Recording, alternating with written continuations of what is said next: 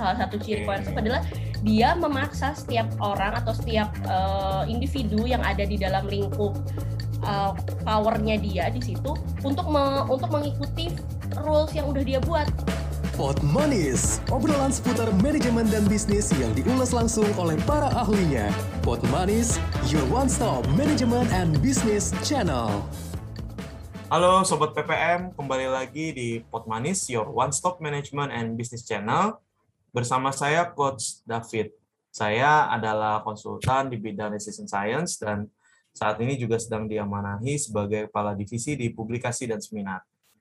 Pot Manis episode kali ini kita akan ngobrol-ngobrol nih bersama seorang coach atau konsultan dari Leadership and Talent Development. Ini dia kita panggilkan Coach Suci Lestari. Halo Coach Suci, apa kabar? Hai Coach David, apa kabarnya nih Coach? Uh, sehat, Coach sehat Suci, juga. alhamdulillah sehat. Wah, semoga sehat selalu ya Coach ya. Sama-sama Coach, karena Ya. lagi pandemi gini yang penting sehat ya Benar. Coach. Itu yang sangat mahal saat ini. Coach Iya, Suci betul. udah udah nonton film yang lagi hit belum nih? Wah, Squid Game. ini menarik nih Coach. Karena saking padatnya kerjaan gitu ya, tapi tetap harus di eh, Sempet-sempetin selipkan. ya. Iya, harus sempet sempetin bukan karena nonton film ini karena viral gitu ya, tapi karena ingin me time. Dan kebetulan ternyata banyak banget yang bisa kita bahas dari film ini. Ini sangat Ah. menarik sih, Coach. Bener, bener, bener, bener banget nih Coach Suci ini. Nih sekarang nih kondisi lagi agak banyak geledek. Nih Mm-mm. Coach Suci kalau kedengeran nggak apa-apa ya. Nah, lagi di rumah Coach juga. David. Ini kita mau mau coba menelisik nih dari film Squid Games ini, tapi khusus untuk terkait bidangnya Coach Suci nih, yaitu di Hmm. leadership ya. Jadi kita mau nanya-nanya nih sama Coach Suci. Coach Suci, apa sih yang menarik di film ini terkait dengan leadership atau kepemimpinan? Mungkin Coach Suci bisa bagikan kepada kita nggak sih nih yang mungkin saat ini sudah nonton gitu ya, pengen tahu juga, atau yang mungkin belum nonton tapi akan semakin penasaran gitu ya. Oke. Gimana Coach Suci terkait dengan leadership nih, kepemimpinan di film ini? Oke, thank you Coach. Ini mau nyapa Sobat PPM dulu ya Coach ya. Boleh, boleh, Sobat silakan. PPM semua, Eh, kenalan dulu sama saya Coach Suci. Ini kebetulan eh, diajak sama Coach David untuk bahas tentang film eh, Squid Game gitu ya. Nah, sebetulnya kalau dari yang kita lihat itu banyak banget nih yang udah bikin resensi atau eh, apa namanya bahasan dari Benar. film ini diambil dari berbagai sudut pandang gitu ya Coach ya. Ada yang Betul, betul. bahas tentang uh, lesson learn dari sisi life-nya gitu kan karena dia punya permainannya ini permainan anak kecil tapi konsekuensinya itu nyawa yang direnggut ya nggak sih coach Bener banget. Itu dia yang bikin game ini tuh semakin menarik karena realitanya itu deket banget sama orang-orang Asia ya. betul Terutama ya, kita kan sering banget dulu waktu kecil main macam-macam ya. iya Nah, dulu ini jadi mm-mm, banyak juga menarik. beberapa film yang eh beberapa film beberapa permainan yang mirip sama permainan yang kita mainkan ya coach. Kayak main gundu. Inget nggak coach David? Iya, gundu. betul. Wah, itu saya sampai punya dua koper coach. 2000-an tuh saya punya gundu tuh. punya gundu banyak ya coach. Saya walaupun perempuan juga tetap tapi uh, suka main gundu juga gitu. Terus ada kalau Benar, si cumi-cuminya itu kan sebenarnya kayak permainan. Kalau di kita apa ya namanya engklek bukan sih yang Engklek ya. ya betul. yang kayak gitu cuman dia bentuknya kan cumi gitu. Nah ini balik lagi nih coach. Kalau kita uh, bahas si Squid Game ini gitu ya dari apa sih yang bisa kita tarik pelajaran atau mungkin uh, bahasan tentang leadership ini menarik banget nih coach. Kalau misalkan yang coach Suci lihat ya Mhm, coach mhm. David. Dari Squid Game ini saya mungkin nggak akan banyak uh, maksudnya gini saya akan menjaga supaya tidak spoiler nih buat sobat PPM jadi sobat PPM tetap Iya nih hati-hati nih coach. sobat PPM tetap Plot bisa twistnya jangan dikasih tahu coach. Iya, pokoknya nanti bagian-bagian yang rawan nggak akan uh, kita akan coba jaga untuk tidak spoil, tapi kita tetap akan memperkaya bahasan tentang leadershipnya nih, yang bikin nanti mungkin sobat PPM makin penasaran buat yang belum nonton. Yang udah Betul, nonton mas, uh, akan semakin kayak oh gitu ya gitu mungkin ya. Betul, betul. Oke, nah kalau dari uh, Coach Suci sendiri nih, Coach David, yang pertama kali dilihat itu adalah langsung teringat pada dua konsep dari leadership, yaitu Mhm. pertama adalah partisipatif leadership dan juga coercive leadership. Oke, apa tuh coach partisipatif leadership? Kalau dari namanya kayaknya kita berarti ikut berpartisipasi gitu ya. Mm-mm, betul. partisipatif dan koersif ya. Betul. Koersif. Nah, Jadi mungkin bisa kalau dijelaskan kita- partisipatif itu apa Hmm? terus di karakter dalam Squid Game itu siapa yang memainkan atau yang banyak memperlihatkan itu gitu. Kalau kita lihat dari dari eh, definisi atau mungkin dari ini aja ya konsep dasar. Konsep dasarnya participative leadership ini seperti democratic eh, sama seperti democratic leadership. Jadi kita mencoba untuk eh, si pemimpin ini akan mencoba untuk melibatkan para anggota timnya dalam pengambilan keputusan. Termasuk juga jadi memang eh, sifatnya dia lebih open minded atau misalkan lebih terbuka pada masukan. Sedangkan kontrasnya gitu ya itu adalah coercive leadership atau authoritarian leadership di mana kepemimpinan ini karena namanya adalah coercive gitu ya coercive itu merujuk pada uh, sesuatu yang memaksa atau hukuman. Nah ini adalah gaya kepemimpinan yang diterapkan dengan cara memaksa gitu. Atau situasinya itu situasi si anggota timnya jadi merasa seperti dia uh, harus mengikuti kalau enggak bisa berbahaya bagi dirinya. Nah, kira-kira nih mau nanya dulu sama Coach David, kalau Oke. dari coercive leadership nih, Coach gitu ya, siapa kira-kira karakter yang paling eh, Coach David ingat? Kayaknya sih kalau koersif nih yang maksa kayak gitu-gitu tuh si Mm-mm. frontman kayaknya ya. Coach Suci ya. Frontman, oke. Ada lagi nggak Coach? Eh, yang kedua itu kayaknya sih yang preman tuh yang gangster itu loh coach siapa coach namanya Deoksu ya kalau nggak salah. Ah iya, Doksu namanya. Deoksu ya benar. Betul. Itu dia juga kayaknya sih cocok tuh koersif tuh kayaknya. Benar, Benar benar banget nih. Kalau tadi Coach David bilang ada dua karakter yang ternyata menerapkan coercive leadership atau authoritarian leadership. Yang pertama adalah frontman, yang kedua eh yang pertama adalah frontman, yang kedua adalah si preman atau gangster yang eh, namanya doksu ya kalau sobat betul. PPM nanti nonton gitu. Nah, ini sedikit cerita nih eh, tentang si kedua karakter ini. Kedua karakter ini dua-duanya menerapkan coercive leadership. Tapi coach, ada yang membuat eh, perbedaan. Maksudnya ada perbedaan di dalam gaya kepemimpinan eh, atau leadershipnya mereka. Hmm, apa tuh coach? Kalau si frontman gitu ya, kita Mm-mm. kita bayangin dulu nih si frontman. Oke, Si frontman ini Ah, lagi buat sobat. PPM, Hmm.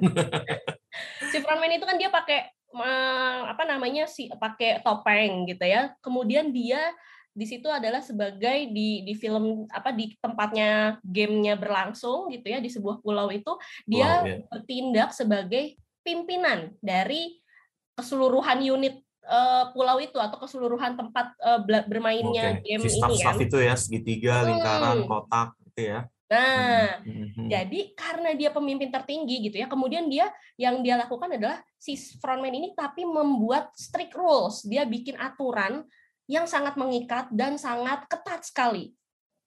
Salah satunya Hmm. adalah dengan membagi pekerjanya ya, yang kita bisa lihat pekerjanya itu adalah eh, para petugas menggunakan eh, jumpsuit pink ya, pakai topeng, tapi topengnya Hmm. dibedakan menggunakan eh, bentuk apa namanya? bentuk bentuk apa tuh? Segitiga, Segitiga, lingkaran lingkaran, ada dan kotak. Oke, nah dari si kotak itu, jadi si eh, petugas-petugasnya ini atau si pekerjanya ini dibedakan. Jadi kalau di sana strict rules-nya nih salah satunya adalah mereka tidak boleh saling mengenal wajah, tidak boleh menggunakan nama. Jadi hanya eh, pakai apa namanya eh, sebutan gitu ya. Kalau si pemimpinnya namanya frontman. Kemudian kalau si pekerja yang kotak ya sudah disebutnya si kotak, si bul, si lingkaran dan si segitiga. Segitiga itu Dia, dia adalah ada, ada nomornya tuh coach. Jadi kan di scan gitu kan dia. Oh betul ada Nah, nomornya ya coach. Ada ketahuan ya. Oh ini nomor sekian. Nah, itu kan. Hmm. Si lingkaran nomor 29 ya kan. Terus eh, si si bulat nomor apa si segitiga nomor berapa dan segala macam. Jadi nggak ada pakai nama ya coach, semuanya pakai Betul, nomor gitu, nomor urut. Rahasia itu kalau ketahuan ditembak coach soalnya. Oh nah, itu tuh coach salah satu strict rules-nya yang dibuat sama si frontman.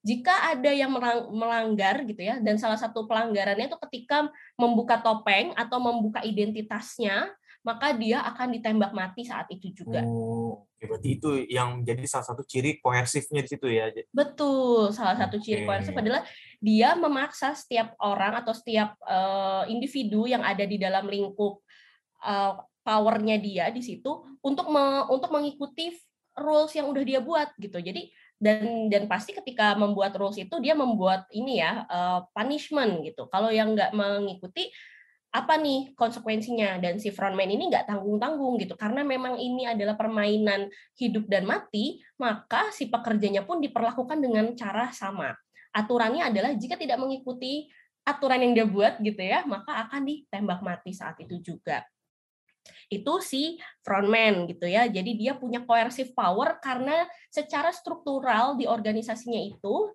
atau di tempat bermainnya itu dia ditempatkan sebagai pemimpin tertinggi. Nah, kemudian sekarang kita lihat nih karakter kedua yang, oh, yang menerapkan si, ya. coercive. Siapa Doksu, sih? Ya? Doksu, ya. Si gangster ya. Si gangster itu menariknya nih coach David, kalau si frontman itu uh, punya coercive power atau mendapatkan uh, kekuatan koersifnya itu berdasarkan struktural ya di organisasi. Ya, betul, Sedangkan sudah. si preman ini atau si doksu ini ya namanya doksu, hmm. dia secara uh, dia mendapatkan posisinya itu diangkat secara uh, status sosial atau kasta sosial di lingkungannya. Informal gitu ya coach ya. Informal bener banget hmm. coach. Hmm. hmm. Ingat nggak uh, adegan ketika um, si doksu itu ngam apa dia kan uh, mereka dibagikan makan siang gitu ya eh makan siang atau makan pagi gitu ya pakai yeah, yeah. telur dan soda dan betul. hanya itu aja gitu yeah. terus dia kan memang tubuhnya besar gitu. Kemudian dia merasa makanan ini kurang cukup nih dia masih lapar. Akhirnya dia ngantri lagi. Sedangkan makanan yang dipersiapkan itu sesuai jumlah dari peserta yang tersisa ya. Dari peserta yang tersisa. Ya, betul, kebayang betul. dong apa yang terjadi. Yang Ibu. terjadi adalah ada ada peserta yang nggak kebagian makanan iya, betul, ya kan? betul. ada lima orang tuh kalau nggak salah benar. Betul ada lima eh, karena lima apa empat gitu ya coach ya mereka nggak kebagian akhirnya timbullah konflik. Konfliknya gimana? Konfliknya ya yang nggak kebagian makanan protes dong. Itu mereka uh, apa namanya nggak apa nggak ngantri lagi pokoknya gitu ngantri makanan lagi. Akhirnya mereka uh, kemudian bertengkar tuh di situ. Berantem, sampai si Doksu ini memukul, menendang dan pokoknya berkelahi dengan si orang ini sampai dipukulin sampai akhirnya meninggal gitu. Jadi di situ semua orang atau semua peserta di situ melihat bahwa Doksu ini adalah sosok yang sangat kuat yang wajib mereka uh, waspadai gitu. Karena hal tersebut gitu ya. Jadi secara sosial mereka sudah melihat bahwa si Doksu ini adalah seorang peserta yang paling kuat di antara mereka dia secara tidak uh, secara tidak uh, apa namanya secara informal dia akhirnya diangkat mm -mm, secara okay. informal diangkat menjadi pemimpin jadi seakan-akan gitu bosnya lah gitu ya geng bos mm -mm. dari pemimpin yang di situ ya oke okay, itu doksu oke oke menarik nih coach nah tadi yang kedua itu adalah terkait dengan partisipatif leadership ya coach ya yes. ini kalau ini kayaknya sih saya tebakan saya pasti benar. Ini Gihun ya coach berarti ya. Nah, kelihatan banget nih karakternya nih si Gihun nih. Cuman ciri-cirinya tuh kayak gimana sih coach? Yang coach maksud maksud sebagai partisipatif leadership ini? Kalau si partisipatif leadership yang yang diterapkan sama Song Gihun atau si uh, lead protagonis ya kalau di Squid Game ini, ya, dia betul, memiliki betul. ciri uh, melibatkan anggota timnya untuk ber apa namanya bermusyawarah bersama. Salah satu contoh adegan itu adalah ketika ingat nggak waktu mau uh, permainan keempat coach?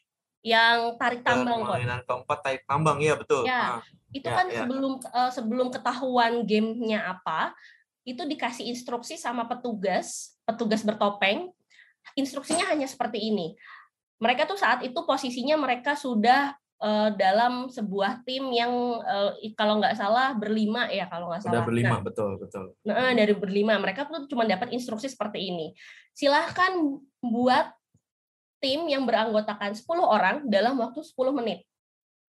Mereka cuma yes. dapat instruksi seperti itu, tapi belum tahu nih permainannya apa. Jadi sebetulnya pada saat itu mereka nggak tahu harus merekrut orang seperti apa, membuat strategi seperti apa gitu ya. Karena apa? Karena instruksinya Iya, permainan kita belum tahu gitu, tapi Betul. instruksinya hanya seperti itu.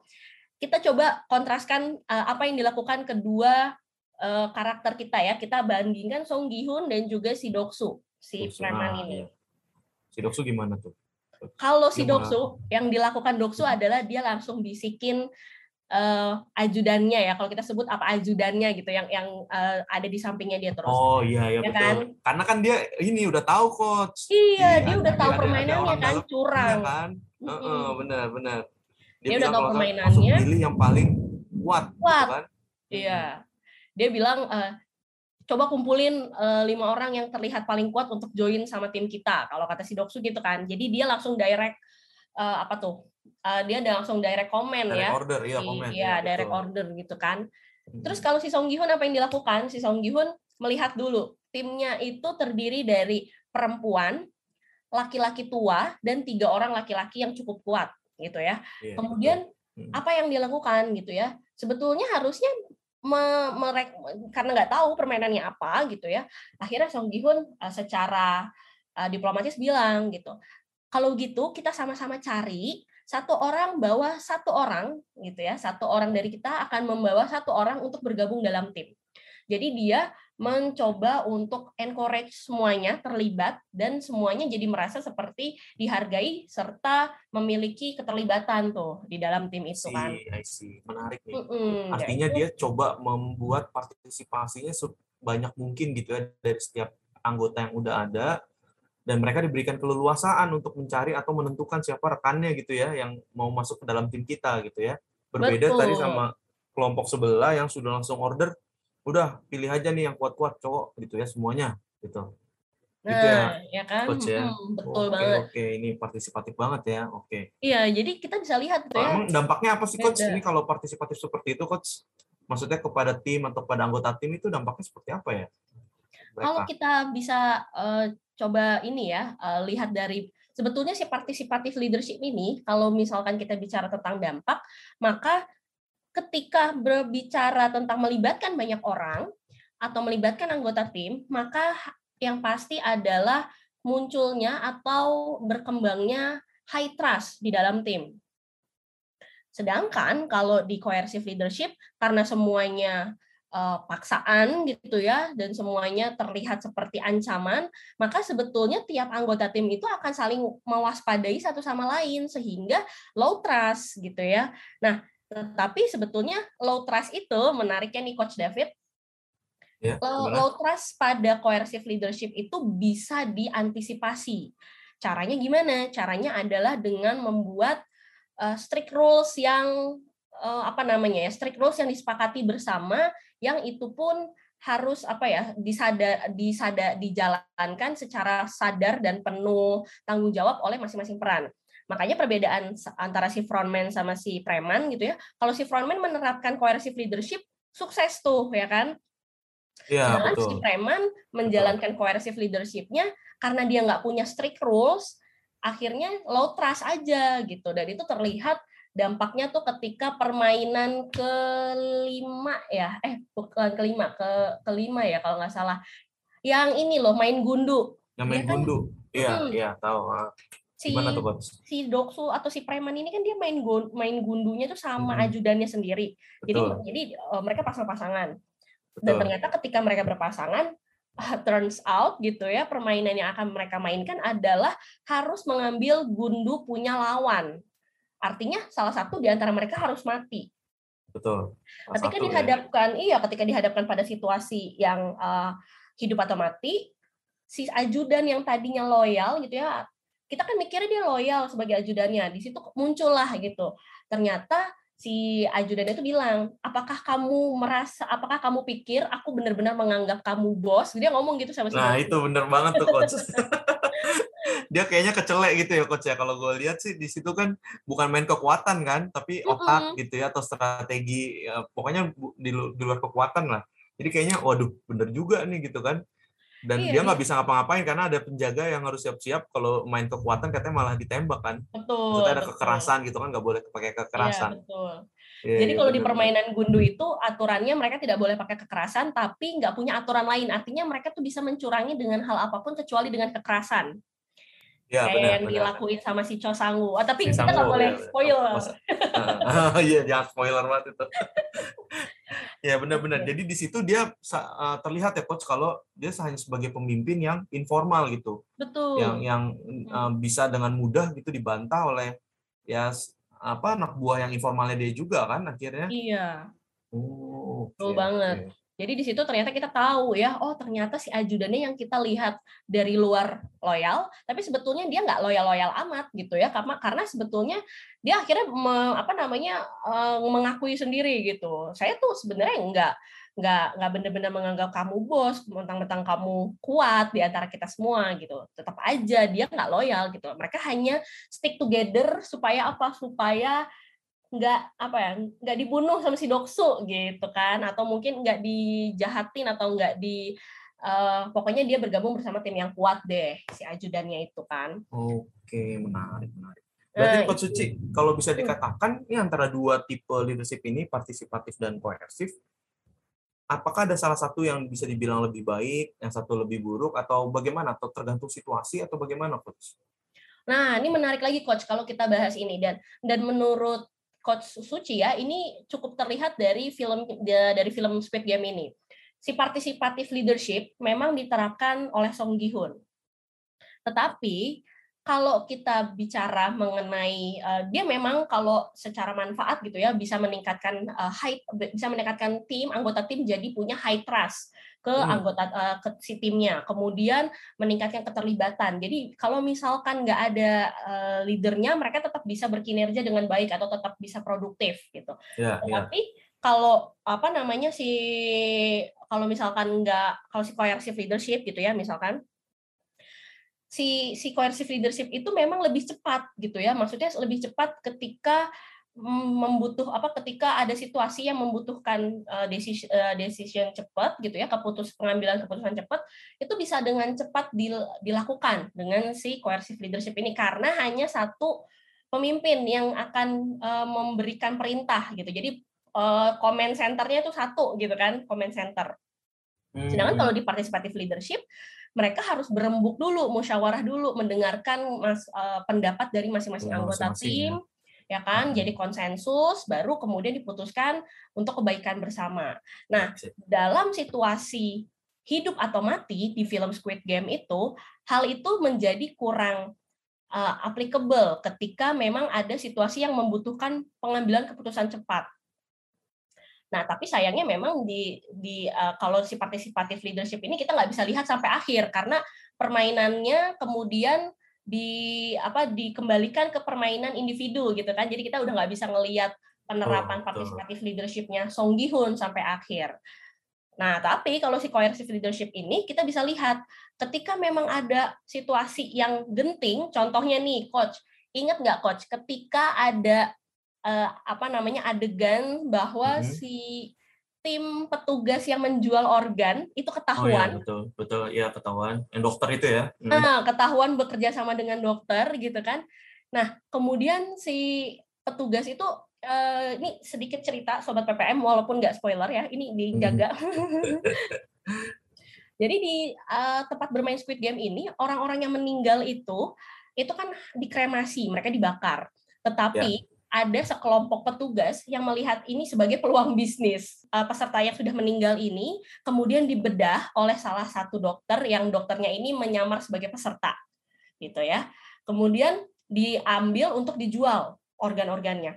Frontman ini tahu gitu ya, mungkin secara eh, praktiknya tetapi di situ yang tidak disukai frontman adalah ketika ada peserta yang kemudian eh, melakukan kecurangan karena karena dia punya eh, apa karena dia bekerja sama dengan si petugas gitu ya si petugas yang menjual organ ini kemudian dia dapat privilege privilege-nya Iya, apa dia tahu diberikan Mm-mm, dia game dikasih selanjutnya. apa tuh bocoran ya coach Bocoran iya tuh jadi nggak seru tuh.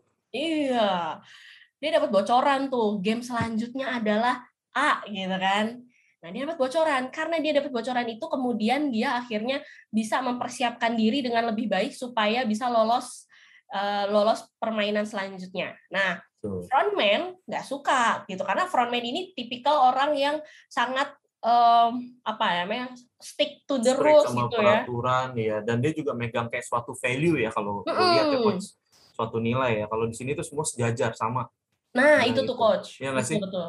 Dan Betul mereka banget. kan juga diberikan ini ya keleluasan kalau misalnya emang mayoritas bilang nggak mau jalanin lagi atau nggak mau main lagi itu diberikan juga kan kepada mereka keleluasan itu. Jadi sebenarnya kalau lihat koersif tapi si frontman ini tetap fair juga sih kalau gue bilang ya kalau gue lihat ya kalau mayoritas bilang nggak main ya udah mereka dibalikin gitu kan ke kondisi nyata lagi kan ke, ke realitas hidupnya walaupun akhirnya mereka balik lagi juga sih iya. karena mungkin dilihat realitasnya kayaknya lebih kejam dibandingkan bermain game ini. Kayak masih ada kesempatan peluang untuk dapat duit gitu kan untuk bisa hidup.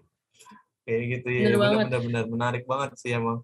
Dia punya nilai okay. gitu. Jadi walaupun dia koertif dia tetap support apa uh, sportif gitu ya coach ya. Mm -hmm. uh, mem, mem, apa namanya melihat semua orang tuh setara dengan aturan yang sama dengan kondisi yang sama gitu.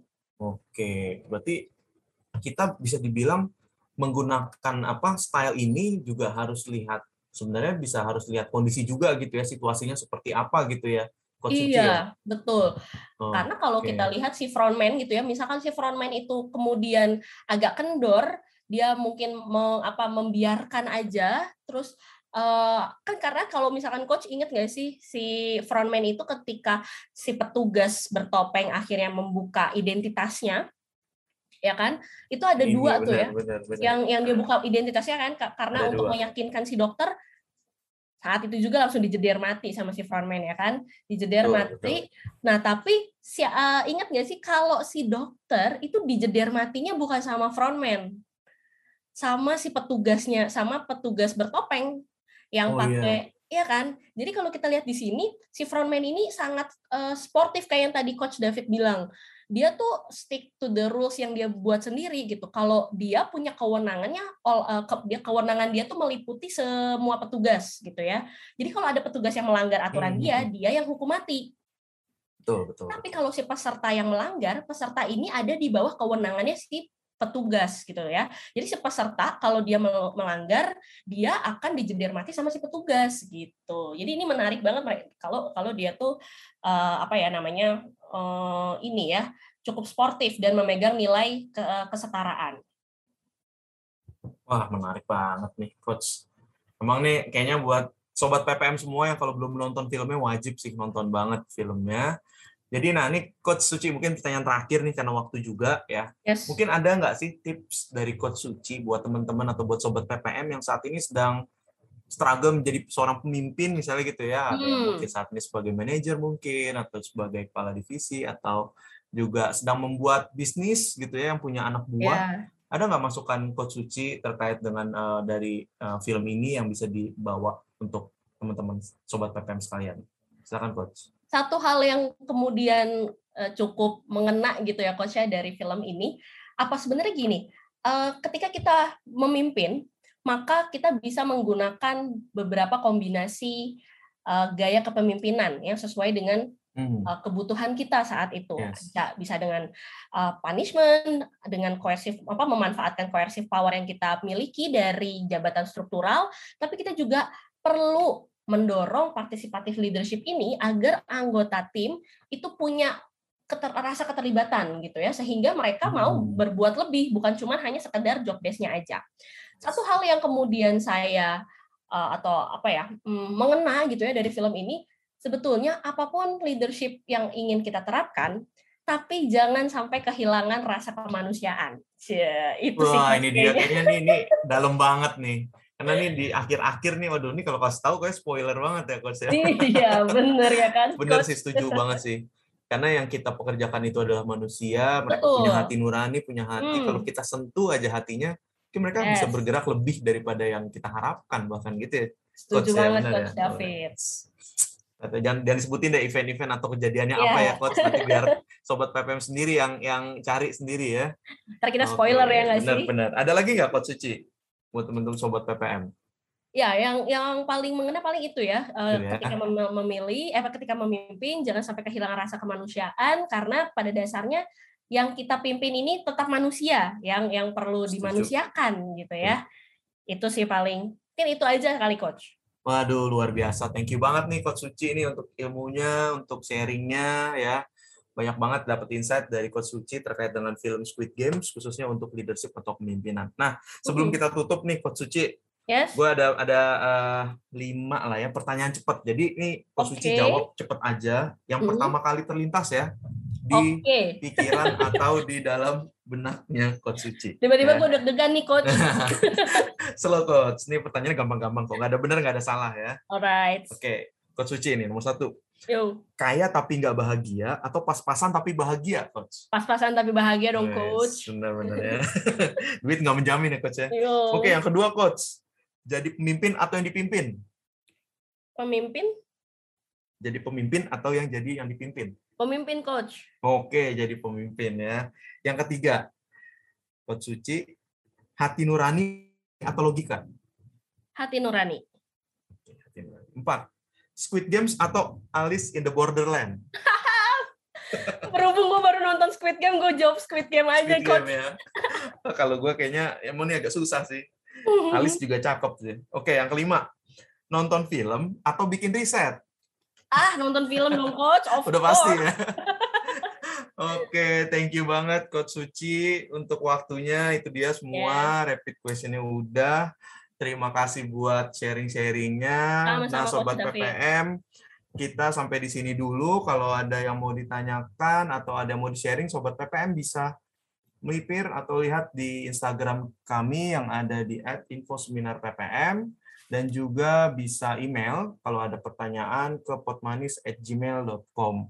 Oke, sobat PPM, jangan lupa untuk terus standby di podcast Potmanis Manajemen dan Bisnis yang ada di sini.